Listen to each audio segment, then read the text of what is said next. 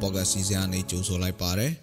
2023ခုနှစ်အောက်တိုဘာလ4ရက်ဒီနေ့ကျွန်တော်တင်ဆက်မယ့်အစီအစဉ်မှာတော့ပြည်သက်တွေစိတ်ဝင်စားပွဲမွန်ပြည်နယ်တရင်ပြည်တွင်းတရင်နဲ့အာဆီယံတရင်တရင်ပေးပို့ချက်ပြည်သူတွေသိထားတဲ့နိုင်စဉ်ကုန်စည်နှုန်းတရင်ချိုတွေကိုစီစဉ်ပထမပိုင်းမှာရွေးချယ်တင်ပြပေးတော့မှာဖြစ်ပါတယ်ဒါအပြင်စစ်ကောင်စီက NCA ရှင်းနှစ်ပြည့်အခမ်းအနားကျင်းပပြီးသူ့ရဲ့နိုင်ငံရေးအကြက်တဲကိုဖြေလျှော့ဖို့စူးစမ်းနေတယ်လို့ NUG ကပြောဆိုလိုက်တဲ့သတင်းပေးပို့ချက်ကိုလည်းတင်ဆက်ပေးပါဦးမယ်။ ဟောဒီနေ့အစီအစဉ်မှုကတော့ကျွန်တော်အားကတာဝန်ယူသွားမှာဖြစ်ပြီးကျွန်တော်နဲ့အတူနွန်တယ်ကသတင်းတွေကိုကူညီတင်ဆက်ပေးသွားမှာပါ။နာဆင်နေကြတဲ့ပရိသတ်အားလုံးမင်္ဂလာပါလို့နှုတ်ခွန်းဆက်တာပါစေ။ကျမနွန်တယ်ကကိုအားကနဲ့တူသတင်းတွေကိုကူညီဖတ်ကြားပေးသွားမှာဖြစ်ပါတယ်။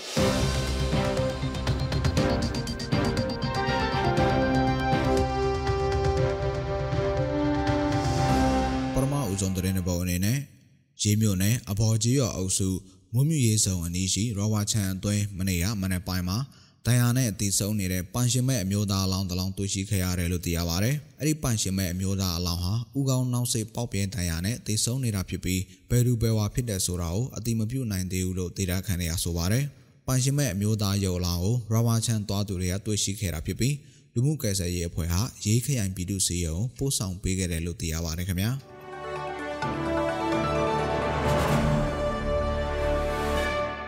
နောက်ထပ်သတင်းသဘောအနေနဲ့တထုံမြို့နယ်ဂျပန်ကျေးရွာမှာမနေ့ကငိမ့်စာစစ်ဗိုလ်ကြီးတနက်နဲ့ပြစ်ခတ်ခံရပြီးတေဆုံးသွားတယ်လို့သိရပါဗျ။အဲ့ဒီဗိုလ်ကြီးဟောင်းဦးဝင်းအောင်ဆိုသူဟာသူ့ရဲ့နေအိမ်မှာဈေးရောင်းနေချိန်တထုံမြို့နယ်ကောက်ွယ်ရေးအားစုအဖွဲ့ကဆိုင်ငယ်နဲ့လာရောက်ပြီးတနက်နဲ့ပြစ်ခတ်ခဲ့တယ်လို့ဆိုပါတယ်။ တနက်နဲ့ပြစ်ခတ်ခံရမှုကြောင့်ဦးဝင်းအောင်ဟာဦးကောင်းကြီးဖောက်ဝင်တရား30အရာရှိပြီးအခင်းဖြစ်ပွားရာနေရာမှာပဲပွဲချင်းပြီးတည်ဆုံသွားခဲ့ပါတယ်။တနက်နဲ့ပြစ်ခတ်ခံလိုက်ရတဲ့ဦးဝင်းအောင်ဟာကျမကြီးအခြေအနေကြောင့်စစ်ကောင်စီတပ်ကနေပူကြီးအစင်နဲ့အငိမ့်စာယူထားသူဖြစ်ပါတယ်။ပြစ်ခတ်မှုပြီးစစ်ကောင်စီတပ်သားတွေရောက်လာခဲ့ပေမဲ့ပိတ်ဆို့စစ်ဆေးတာမျိုးမရှိဘူးလို့ဒေသခံတွေကဆိုပါတယ်ရှင်။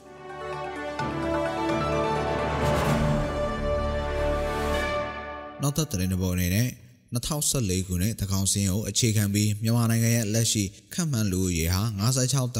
တန်းရှိတယ်လို့စစ်ကောင်စီလက်အောက်ခံလူဝင်မှုကြီးကြပ်ရေးနဲ့ပြည်သူ့အင်အားဝန်ကြီးဌာနကအော်တိုဘာလအစောပိုင်းမှာခန့်မှန်းထုတ်ပြန်ခဲ့ပါတယ်။စစ်ကောင်စီကပြည်내နဲ့အတိုင်းတချို့ရှိမြို့နယ်20မှာအခုလပထမနှစ်အတွင်းကနဦးစန်းသက်တကောင်စင်းကောက်ယူသွားမယ်လို့စက်တင်ဘာလ29ရက်နေ့မှာပြောဆိုထားပါတယ်။စစ်တပ်အာဏာသိမ်းပြီးနောက်ကချင်၊ကယား၊ကရင်၊ချင်း တနင်္လာရီမကွေးနဲ့စကိုင်းတို့မှာတိုက်ပွဲတွေပြင်းထန်နေတာကြောင့်တကောင်စင်းကောက်ယူဖို့ခက်ခဲမဲ့လို့နိုင်ငံရေးစောင့်ကြည့်သူတွေကဆိုပါတယ်ခင်ဗျာ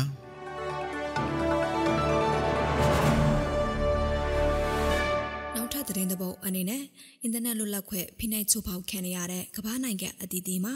မြန်မာနိုင်ငံဟာဒုတိယအဆိုးဆုံးနိုင်ငံဖြစ်တယ်လို့အမေရိကန်အခြေစိုက် Freedom House အဖွဲ့ကအောက်တိုဘာလ၄ရက်နေ့ဒီကနေ့ထုတ်ပြန်တဲ့ Freedom on the Net ရဲ့အစည်းအဝေးခန်းစာမှာဖော်ပြလိုက်ပါတယ်။ Freedom House အဖွဲ့ကြီးဟာနိုင်ငံပေါင်း80ကိုမှတ်တမ်းပြုစုထားပါတယ်။ အဲ့ဒီအထက်မှာ55နိုင်ငံကလူတွေဟာအွန်လိုင်းပေါ်မှာထုတ်ပေါ်ပြောဆိုမှုတွေကြောင့်ဥပဒေကြောင်းအရဖိနှိပ်အရေးယူခံနေရတယ်လို့ဒီအထက်က47နိုင်ငံမှာတော့အွန်လိုင်းပေါ်မှာ ကိုထင်မြင်ချက်တွေအယူအဆတွေပြောဆိုမှတ်ချက်ရေးသားတာတွေကြောင့်ကိုထီလက်ရောက်တိုက်ခိုက်ခံရတာနဲ့တပ်ဖြတ်ခံရတာတွေထိရှိခဲ့တယ်လို့ဆိုပါတယ်။အဲ့ဒီအထက်မှာတရုတ်နိုင်ငံကပထမမြန်မာနိုင်ငံကဒုတိယနဲ့အီရန်နိုင်ငံကတတိယအဆိုးဆုံးချိုးဖောက်ခံရတယ်လို့ထောက်ပြထားပါတယ်။အင်တာနက်အွန်လိုင်းမှာရေးသားပြောဆိုချက်တွေနဲ့ဆက်နွယ်ပြီးသက်ဆိုင်ရာနိုင်ငံရဲ့အာဏာရှိသူတွေကတည်တံပေးကွန်မြတ်တာတွေတောင်ရှိခဲ့တယ်လို့ဖော်ပြထားပါတယ်။ မြန်မာနိုင်ငံမှာဆိုရင်2020ခုနှစ်စစ်တပ်အာဏာသိမ်းပြီးနောက်ပိုင်းစစ်တပ်နဲ့စစ်တပ်သတင်းပေးတွေက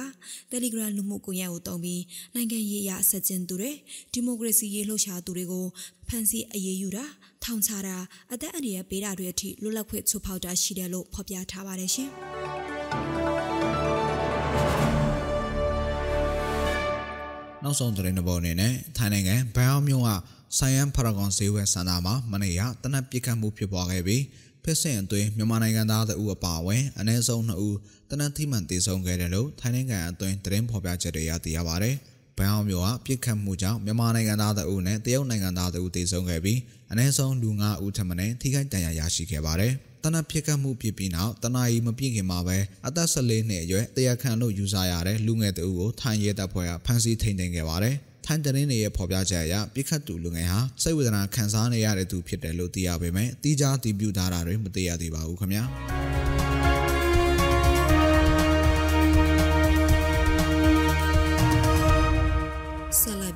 ပြည်သူတွေတည်ထားတဲ့နေ့စဉ်စဉ်ကုန်စင်နှုန်းတဲ့အချို့တွေကိုမော်လမြိုင်ကုန်စီတိုင်းကအချက်လက်တွေကိုအခြေခံပြီးကျမနွန်တဲ့ကတင်ဆက်ပေးပါဦးမယ်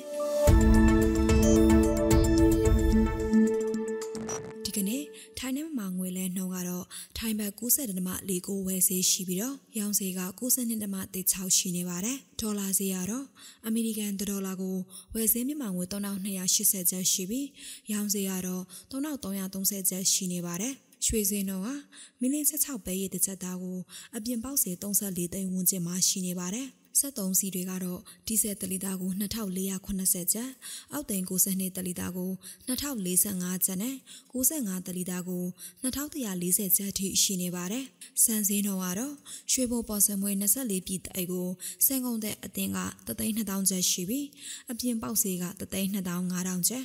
ပေါ်ကျွဲ24ပြည်တိုင်ကိုစံကုန်တဲ့အတင်းက8,500ကျပ်ရှိပြီးအပြင်ပေါက်စေ8,800ကျပ်ထိရှိနေပါတယ်ရှင်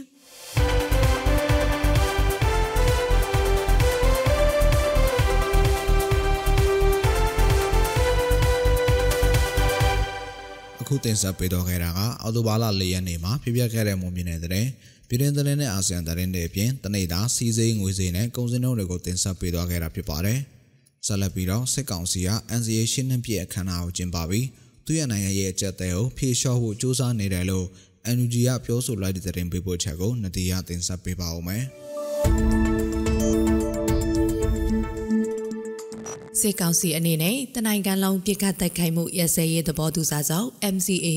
ရှစ်နှစ်ပြည့်အခမ်းအနားကျင်းပမယ်လို့ဆိုချင်းကသူတို့ရဲ့နိုင်ငံရေးစီးရဲအကြက်တဲကိုပြေရော့တာဖြစ်တယ်လို့အမျိုးသားညီညွတ်ရေးအစိုးရ NUG ရဲ့ယာယီတမတာတူဝါလာရှိလာကပြောပါရယ်အောက်တိုဘာ3ရက်နေ့ကကျင်းပပြုလုပ်ခဲ့တဲ့ UNG ရဲ့32ကြိမ်မြောက်အစည်းအဝေးမှာပြောကြားခဲ့တာဖြစ်ပြီး MCA မှာလည်းပြည့်ပြည့်ပြီးဖြစ်တယ်လို့သူကဆိုပါတယ်။ သူဝါလာရှိလာကတော်လိုင်းရေးနဲ့ပတ်သက်ပြီးလက်ရှိကာလမှာကျွန်တော်တို့အလေးထားလှုပ်ဆောင်ရမှာတွေလည်းအများအပြားရှိပါတယ်။ပြက်ပြဲပြီးဖြစ်တဲ့ NCA စာချုပ်ရှင်းနှစ်ပြည့်အခမ်းအနားကိုရန်သူစစ်ကောင်စီကလှုပ်ဆောင်ဖို့ကြံရွယ်နေတာအလုံးအသိဖြစ်ပါတယ်။ဒါကသူတို့အတွက်နိုင်ငံရေးစီရေးအကြက်သေးတွေကိုရနိုင်သမျှဖြေရောဖို့စူးစမ်းလာတာပါပဲ။ အဲ့ဒီအတွက်တိုင်းရင်းသားအင်အားစုကောင်ဆောင်တချို့ကိုလှည့်စားဖို့တိုင်သွင်းဖို့စူးစမ်းနေတယ်လို့တိုင်းရင်းသားအင်အားစုတွေနဲ့အမျိုးသားညီညွတ်ရေးအစိုးရတို့ကြားကညီညွတ်မှုနဲ့စူးစီးမှုတွေကိုတတ်ရှိုးတွေးထိုးတာတွေလည်းလောက်ဆောင်မှအသေးချပါပဲဒါကိုကျွန်တော်တို့အနေနဲ့အထူးဂရုပြုဖို့လိုပါတယ်လို့ပြောပါတယ်လာမယ့်အောက်တိုဘာလ15ရက်နေ့ဟာ MCA လက်မှတ်ရေးထိုးစဉ် ရှစ်နှစ်ပြည့်အခမ်းအနားကိုကျင်းပသွားမှာဖြစ်ပြီးအဆိုပါအခမ်းအနားကိုလက်မှတ်ရေးထိုးထားတဲ့တိုင်းရင်းသားလက်နက်ကိုင်အဖွဲ့အစည်းအပြင်လက်မှတ်မထိုးရသေးတဲ့အဖွဲ့အစည်းတွေနဲ့ပြင်ပနိုင်ငံတွေကိုလည်းဖိတ်ကြားသွားမယ်လို့စစ်ကောင်စီဥက္ကဋ္ဌကပြောကြားထားပါတယ်2021ခုနှစ်ဖေဖော်ဝါရီလရက်နေ့စစ်တပ်ကအာဏာသိမ်းလက်ခြင်းကြောင့် အပြည့်ရလက်မှတ်ရေးထိုးထားတဲ့ကရင်အမျိုးသားစီယောင်း KMU ချင်းအမျိုးသားတပ်ဦး CNS နဲ့မြန်မာနိုင်ငံလုံးဆိုင်ရာចောင်းသားများဒီမိုကရက်တစ်တပ်ဦး ABSD အတူနဲ့စစ်ကောင်စီအကြားတိုက်ပွဲတွေဖြစ်ပွားလျက်ရှိနေပါတယ်။ NCA ပြည့်ချင်းမပြည့်ချင်းက၎င်းတို့ရဲ့ခံယူချက်အပေါ်မှာမူတည်ကြောင်းလက်ရှိမြေပြင်မှာတိုက်ပွဲတွေဖြစ်ပွားပြီးစစ်ကောင်စီကအခက်ခဲရှိနေတာကိုတွေ့ရတယ်လို့ကချင်နိုင်ငံရေးသမားဥကုံကောင်အောင်ခန့်ကပြောပါတယ်။အဲဒီကတော့ အဲအမျိုးမျိုးရှိခုလက်ရှိမှာကျတော့ဒီအခြေအနေမြေပြင်အခြေအနေတော့အခက်ခဲတော့တွေ့နေရတယ်အဲတွေ့မြင်နေရတာပေါ့ဘာလို့လဲဆိုတော့ကျွန်တော်ဘဝမှာတလောက်ထိအဲလက်နက်ကင်တနိုင်ငံလုံးလက်နက်ကင် DDF ဒီဒေါ်လာကြီးအဖွဲ့ကြီးတွေကသူစုဒီစည်းနဲ့ဒေါ်လာနေတာမတွေ့ဘူးပြကျွန်တော်88နောက်ပိုင်းမှာအခုအချိန်မှာအမြင့်ဆုံးဖြစ်နေတယ်ဒေါ်လာဒေါ်လာနဲ့ လက်နက်ကိုင်အဖွဲ့အစည်းတွေလည်း နေရာတာ မတူတာ အကုန်လုံး စုစုစည်းစည်းနဲ့ တော်လှန်လက်နက်ကိုင်နဲ့ ကိုယ်နိုင်က တော်လှန်နေတဲ့ အခြေအနေမျိုး ဖြစ်ပါတယ်။ဒါကြောင့်လည်း ဒီဟာတွေကအဲစဉ်းစားစရာအဲကျွန်တော်လည်း စဉ်းစားစရာ ဖြစ်သွားတာပေါ့ဗျာ။ဘယ်လိုမျိုး အခြေအနေ ဖြစ်မလဲတော့ ဒါကတော့အဲလှုပ်ဆောင်တဲ့အပေါ်မှာပဲ မူတည်ပါလိမ့်မယ်။ စစ်ကောင်စီကအာဏာရယူပြီးနောက်စန့်ကျင်မှုမှာအလွန်ပြင်းထန်ကြောင်းအရင်စစ်အာဏာခဲ့တဲ့အချိန်ထက်နိုင်ငံတကာဖိအားလည်းပိုမိုကွာခြားတယ်လို့ရခိုင်အမျိုးသားပါတီ ANP မှာမူဝါဒရေးရာဦးဆောင်ကော်မတီဝင်ဦးထွန်းအောင်ကျော်ကပြောပါတယ်2020ခုနှစ်မှာဟိုတမတော်ကအာဏာရယူပြီးချင်းစင်းဖက်ဒရယ်တဲ့ဟိုဖြစ်စဉ်တွေကအရင်ကွာခြားပါတယ်အဓိကကွာခြားတာကတော့ဒါဟဟိုဆန့်ကျင်မှုဟာတော်တော်ပြင်းထန်တယ်လို့ပြောရမှာပေါ့ အဲ့တော့နိုင်ငံတကာရဲ့ဖိအားကလည်းဟို62ခုနှစ်အာဏာသိမ်းတာနဲ့အာ88ခုအာဏာရယူထင်းသိမ်းတာနဲ့နိုင်ငံတကာကထားတဲ့သဘောထားဒီနဲ့ကအလုံးကွာခြားပါတယ်အခု2021ခုနှစ်နောက်ပိုင်းမှာနိုင်ငံတကာဖိအားမှုဖိအားတွေကဟိုအင်မတန်ပြင်းထန်တယ်လေးလံတယ်လို့ကျွန်တော်တို့ဟိုအဲ့လိုသုံးသပ်ပါတယ် လက်ရှိမှာလည်းစစ်ကောင်စီကိုပြန်လည်ဖြုတ်ချနိုင်ရေးတိုင်းရင်းသားလက်နက်ကိုင်ဖွဲ့စည်းအချို့ပြည်သူ့ကာကွယ်ရေးတပ် PDF ပူပေါင်းတပ်တို့ကတိုက်ခိုက်လျက်ရှိနေပါတယ်။